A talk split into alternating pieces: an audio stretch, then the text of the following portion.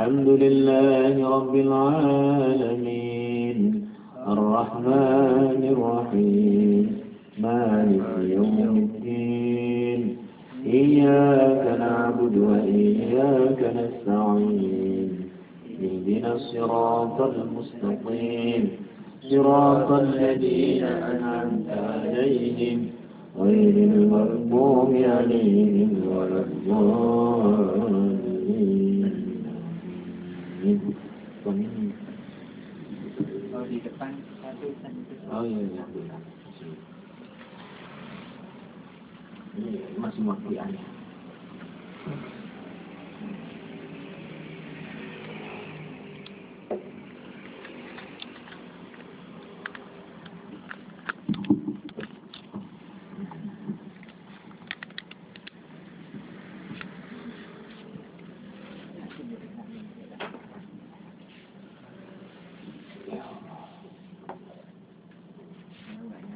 Kayak bilang Iya, nyatet-nyatet gitu. tapi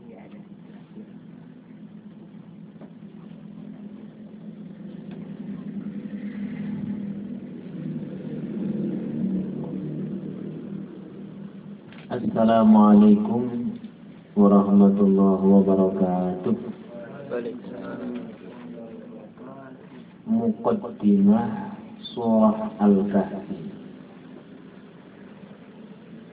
Surah Al-Kahfi.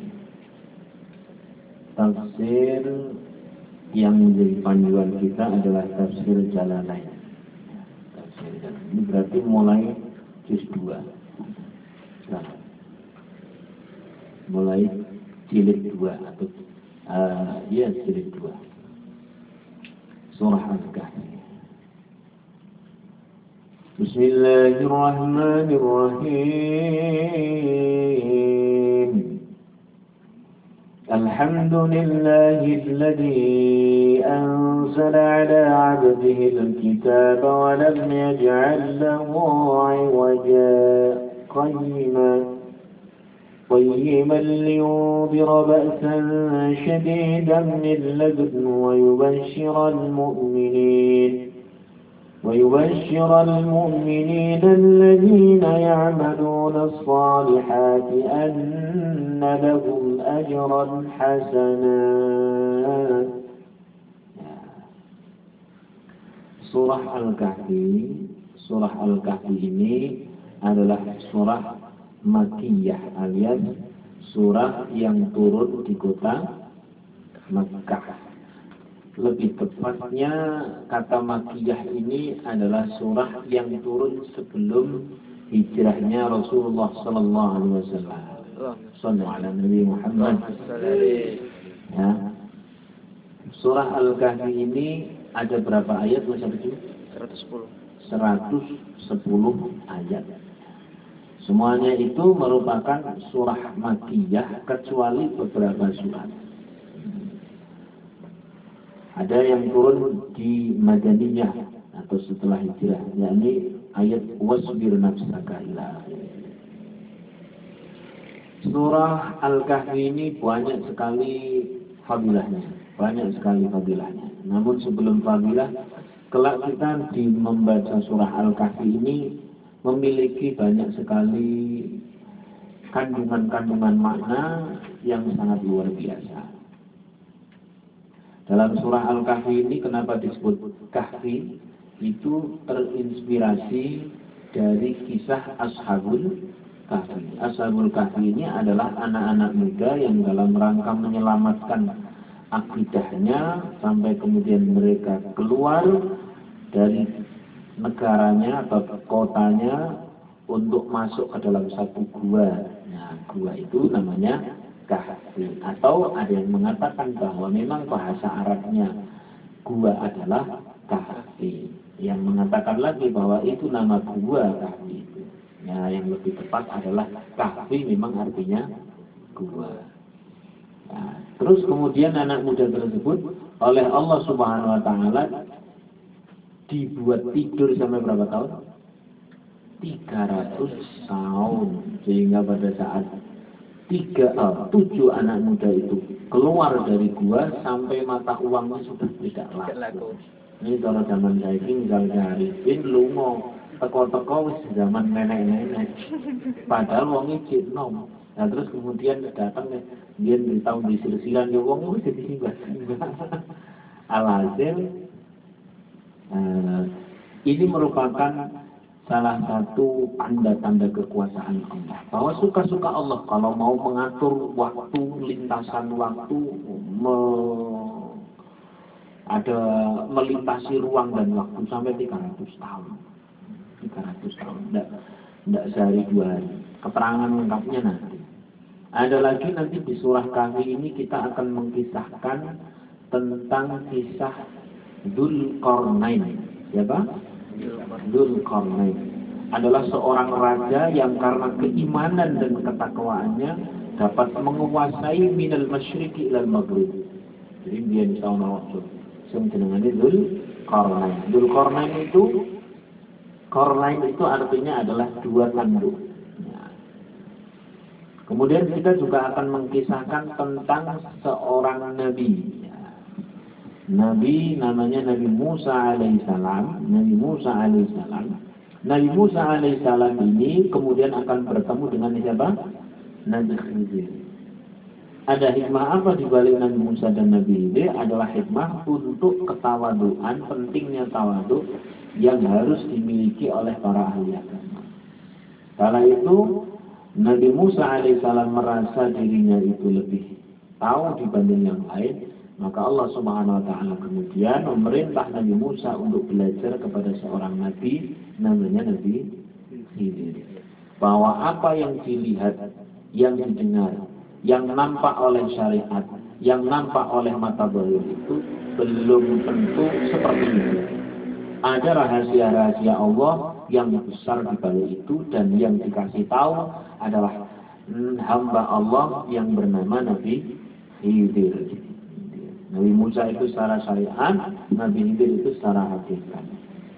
Nah, ada lagi nanti akan dikisahkan tentang uh, kisah kalau tadi kisah-kisah nyata dan kemudian akan ada kisah-kisah ilustratif kisah-kisah kisah-kisah perumpamaan. Ada tiga juga kisah perumpamaan. Pertama perumpamaan tentang dua pemilik kebun. Dua pemilik kebun. Yang satu itu adalah orang yang tergolong miskin, yang satu pemilik kebun yang sangat kaya. Yang miskin ini adalah yang beriman, yang kaya ini adalah orang yang congak, yang sombong. Namun ketika kemudian di akhirat, ini akan kebalikan. Perumpamaan yang kedua adalah perumpamaan tentang masalah dunia ini benar-benar fana, cepat sekali perkara dunia. Sampai saya umur berapa? Mas Faris umur berapa? 20. Masih ingat zaman SMA? Masih ingat. Kayaknya baru kemarin. Bahkan SD itu baru kemarin. Apalagi nih zaman reunian SD. baru saja kemarin. Maka esok ketika kita umur 60 tahun, esok ketika kita umur 70 tahun, merasakan masa muda ya kayaknya baru kemarin. Sehingga pada saat kita mati terus kemudian dibukakan seluruh film ketika kita hidup sejak lahir sampai mati itu cepat Sehingga Ali sampai mengatakan bahwa orang orang hidup itu seperti seperti orang mimpi. Dia nanti mati berarti dia bangun baru sadar. Oh, cepet banget. Biar aku tahu melakukan ini, tahu melakukan ini. Nah, kemudian perumpamaan berikutnya adalah tentang kisah Nabi Adam dan iblis. Iblis yang merasa lebih dibanding dibanding Nabi Adam alaihissalam. Iblis itu ibadahnya kepada Allah juga sangat luar biasa khusyuk, sangat luar biasa banyak dan sebagainya. Sehingga kalau ada orang hari ini ibadahnya banyak, hafal ini hafal itu khusyuk tapi kok sombong, ya itu berbahaya. Karena iblis bisa lebih pintar, iblis bisa lebih lama ibadah. Nah, iblis itu taat sekali kepada Allah. Namun begitu disuruh menghormati Nabi Adam tidak mau. Pelajaran yang kita ambil apa? Dari tafsir Munir itu disebutkan itu sebuah pelajaran bahwa kau sehebat apa pun, kau sepinter apa pun, sesukses apa pun, sealim apa pun, jangan pernah merendahkan orang lain. Sesama hamba. Itu kurang lebih kelak isi dari surah Allah Al-Kahfi. Sekarang fadilah membacanya, kedahsyatan membacanya. Setidaknya ada beberapa yang tadi saya share di Instagram itu ada lima. Di grup juga ada lima. Sebenarnya ada lebih banyak dari itu. Bismillahirrahmanirrahim. Hadis diriwayatkan oleh Imam Muslim. Man hafidha asyra ayatin min awal suratul kahfi.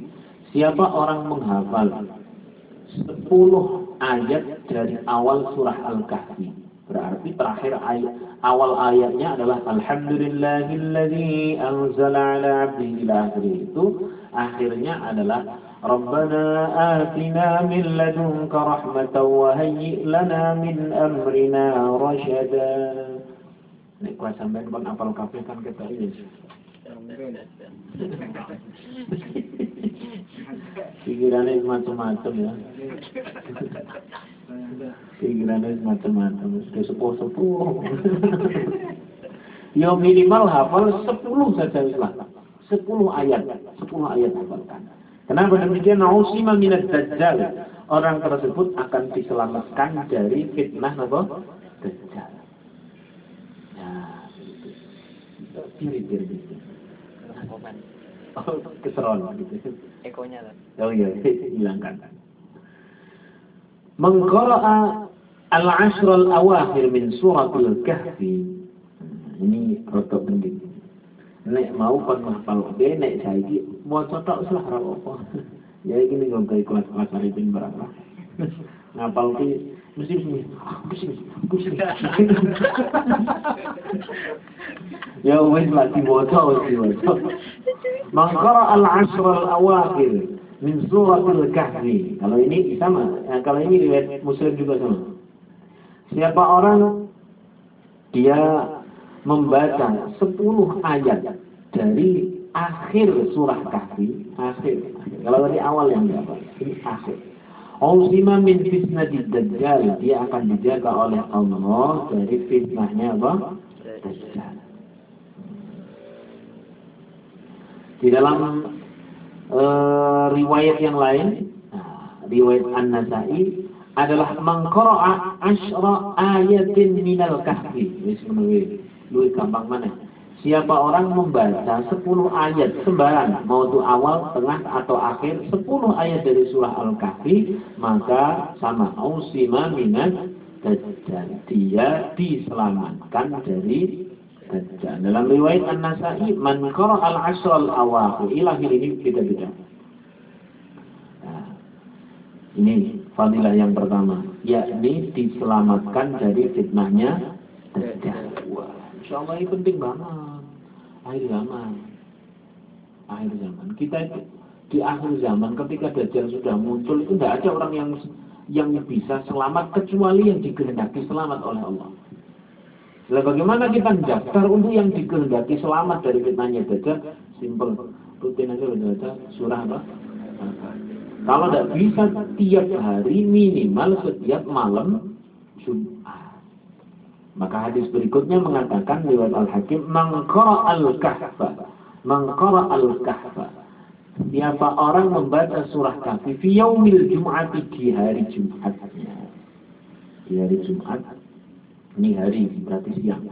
Allah alahum minan nuri ma bainal jum'ataini. Maka dia oleh Allah Subhanahu wa taala akan dicahayai hingga Jumat berikutnya.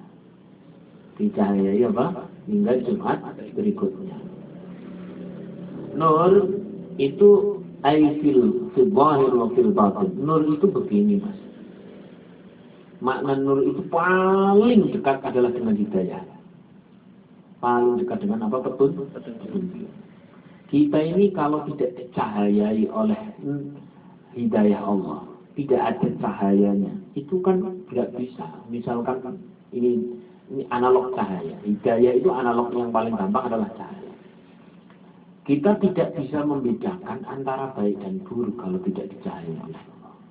Misal ini ruang ditutup jerat, lampu ini mati gerak. Sampingnya ono serabi, sampingnya ono telek. Nek ora ono cahaya nih, menyekel serabi bisa nyekel. Sama. Kaji hari ini yang ngono, sampean kan orang ngerti jodohnya sendiri. Nek ora dicahayai karo Gusti Allah, karepe nyekel sing kae, tapi Wong jenengane orang ngerti ora dicahayai Gusti Allah, dikira serapi ternyata. Demikian pula dalam masalah ngajak bisnis kepada teman dan sebagainya. Milih pasangan dan sebagainya. Bila kita tidak dicahayai oleh Allah, diberi petunjuk siapa yang terbaik untuk gabung dengan diri kita atau menjadi partner hidup, suamilah istri atau teman, teman bisnis, partner apa dan sebagainya. Bila tidak dicahayai oleh Allah, maka kita tidak dikasih tahu siapa orang tadi. Dikirone api, omongane enak, rayuane jos, nek cilik-cilik ngai apa-apa barang wis lewat ternyata ya Allah, butuh serapi tapi Kenapa tidak dicahayai oleh Allah? Lalu bagaimana kita agar dicahayai oleh Allah Subhanahu wa taala diberikan petunjuk simpel. Tiap hari Jumat atau malam Jumat baca surah Kahfi. Simpel banget. Tapi banyak berat dan sebagainya gampang sih. Boleh majelisnya, cari majelisnya. Di pondok kita ini tiap malam Jumat pasti baca surah Kahfi. Karena bareng-bareng jadi enteng tapi beda akar pula angel lebih terang barang-barang itu kan gampang kok membiasakan yang belum biasa membisakan yang belum bisa ini hanya merupakan metode pen enteng rokok macam-macam yes. mengqara'ah lailatul jum'ah ya, siapa orang membaca di malam Jumat berarti kita sudah nemu Fadilah baca surah kahfi yang pertama adalah diselamatkan dari apa? Ya. Yang nomor dua hidupnya diberi cahaya oleh Allah hingga Jumat berikutnya. Ini nomor dua. Sekarang nomor tiga. Mengqara'aha lailatul jum'ati Siapa orang membaca pada malam Jumat Adha'a lahu minan nuri ma bainahu Wa baina baitil Atiq gitu ya Siapa yang membaca surah Al-Kahfi pada malam Jumat, maka akan menaranginya cahaya yang ter, terpancar antara dirinya hingga Baitul Aqib, yakni Ka'bah. Allah Ini mungkin bagi yang sudah istiqomah. Jadi di mata para ahli langit gitu ya, di mata para malaikat, orang yang istiqomah membaca surah Kahfi itu cahayanya sampai ke Mekah. Lu cahayanya tekan Mekah yang kira-kira dengan Mekah ya barang enteng dong kecil. Iso ndak jelas ya. Jelas. Sapa sing Ya mesti makhluk-makhluk Gusti Allah yang diperkenankan melihat. Mungkin penduduk langit, para malaikat, Allah sendiri. Kalau kita dicahayai antara diri kita yang baca ini sampai Baitil Ati, Baitil Atan itu namanya Baitullah. Nama lain dari Baitullah. Rawahul Bayhaqi. Hadis riwayat Al-Bayhaqi. Rutin. Minimal tiap malam Jumat. Jangan sampai berdoa. Walaupun jaga parkir atau Mas Arifin tetap. Ini lagi mau apa? Surah kahfi ini kalau zaman kan wis hafal loh. Tinggal rumah umi lah insyaallah. Minimal pucuk-pucuk itu. Nah, karena orang membaca, bila yang dibaca itu bacaan secara langsung, maka yang mendengar pun mendapatkan pahala yang sama persis, sama persis. Sehingga datang, misalkan jenengan di daerah mana begitu ada majelis yasin plus kahfi. Itu di sini yasin baca, kahfi baca, harus baca kahfi. Diarani yasinan, yo yasinan, diarani kahfian, yo kahfian.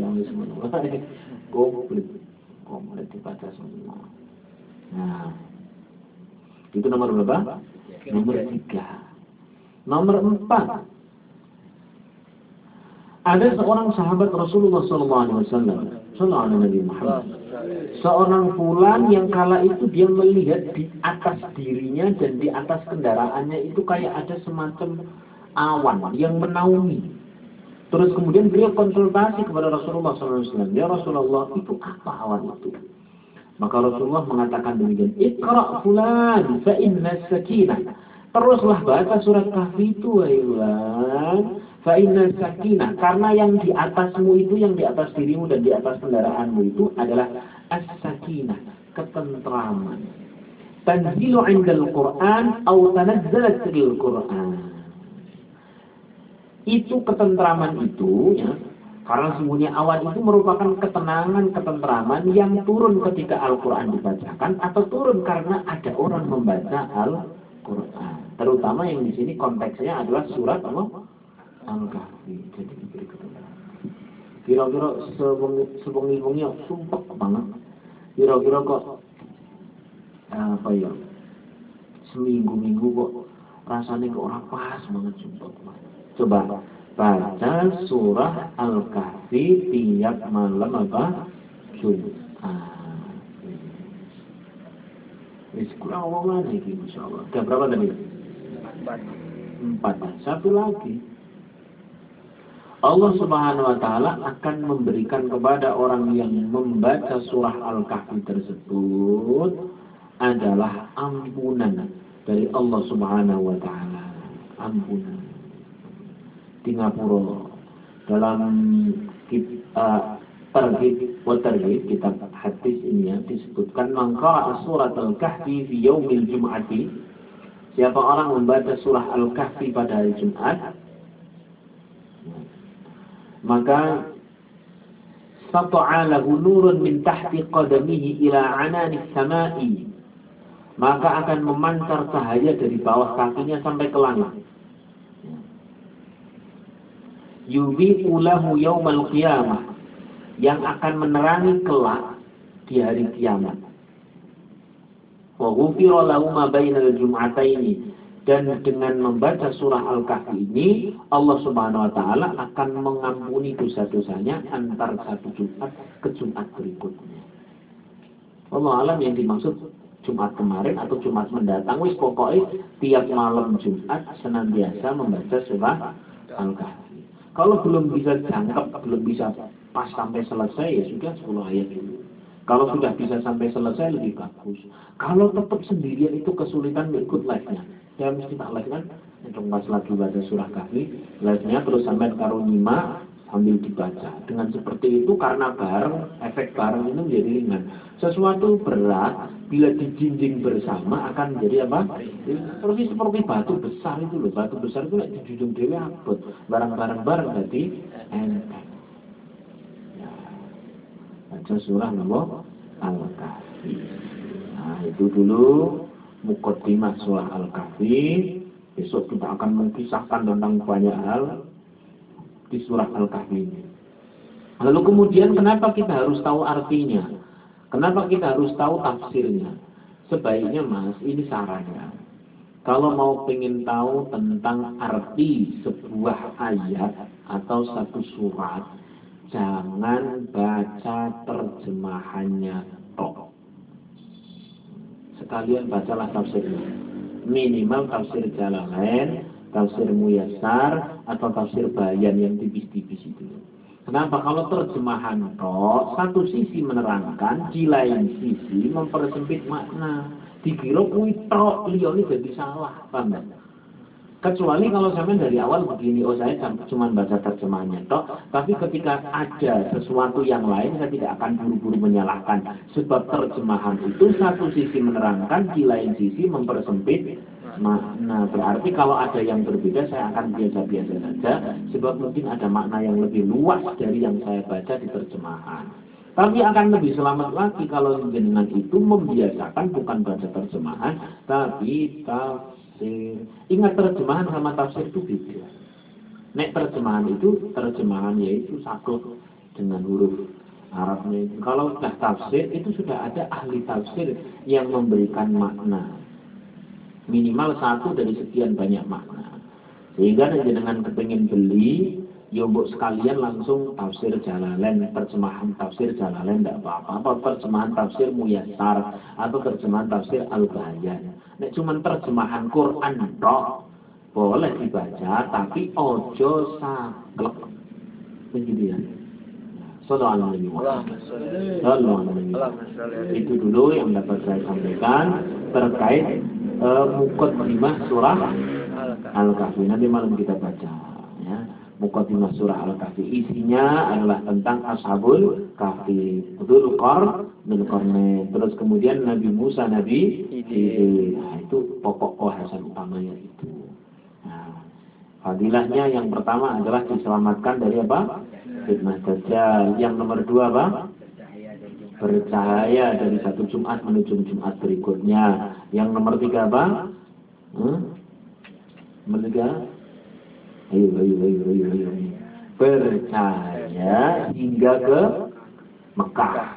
Nomor tiga. Nomor empat apa? Diampuni dosa. Ada yang nomor lima ada? Ketoke ada sih beli masa enggak ada. Hmm.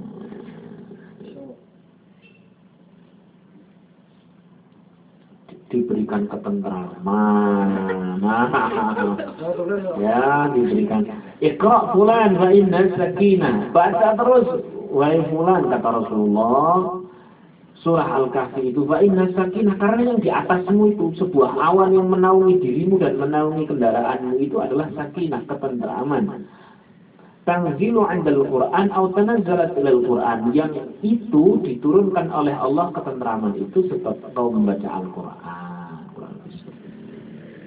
Ya, nanti dulu yang dapat saya sampaikan, terus pokoknya jangan sampai lupa membaca surat Al-Kahfi. Syukur-syukur hafal berapa?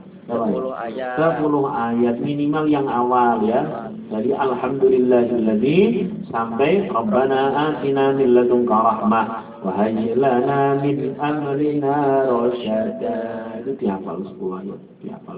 Insya Allah kita diselamatkan oleh Allah dari fitnah Dajjal. Amin. Amin. Al-Fatihah. أعوذ بالله من الشيطان الرجيم بسم الله الرحمن الرحيم الحمد لله رب العالمين الرحمن الرحيم مالك يوم الدين إياك نعبد وإياك نستعين اهدنا الصراط المستقيم صراط الذين أنعمت عليهم غير المغضوب عليهم ولا الضالين yang baru saja nyimak nanti tak simpan di IGTV atau yang kepingin dapat e-booknya e-book apa? Tafsir surah al-kahfi masuk di grup nanti di share itu e-booknya tafsir surah Al-Kahfi tafsir Jalalain Arab bahasa Arab eh, bahasa Arabnya terus kemudian plus terjemahannya. Jadi ada berapa? Qurannya terjemahannya tafsir Arab eh, tafsir Jalalain Arabnya terjemahan tafsir Jalalain tak jadikan satu dalam satu ebook Insya Allah diberikan secara umum dan gratis yang kita share di grup WA grup itu. Silahkan yang belum masuk, masuk saja di WA, nanti minta e-booknya. Hari ini sudah jadi e-booknya? Insya Allah jadi ya. Terima terima kasih. Silahkan. Semoga bermanfaat. Assalamualaikum warahmatullahi wabarakatuh. Waalaikumsalam.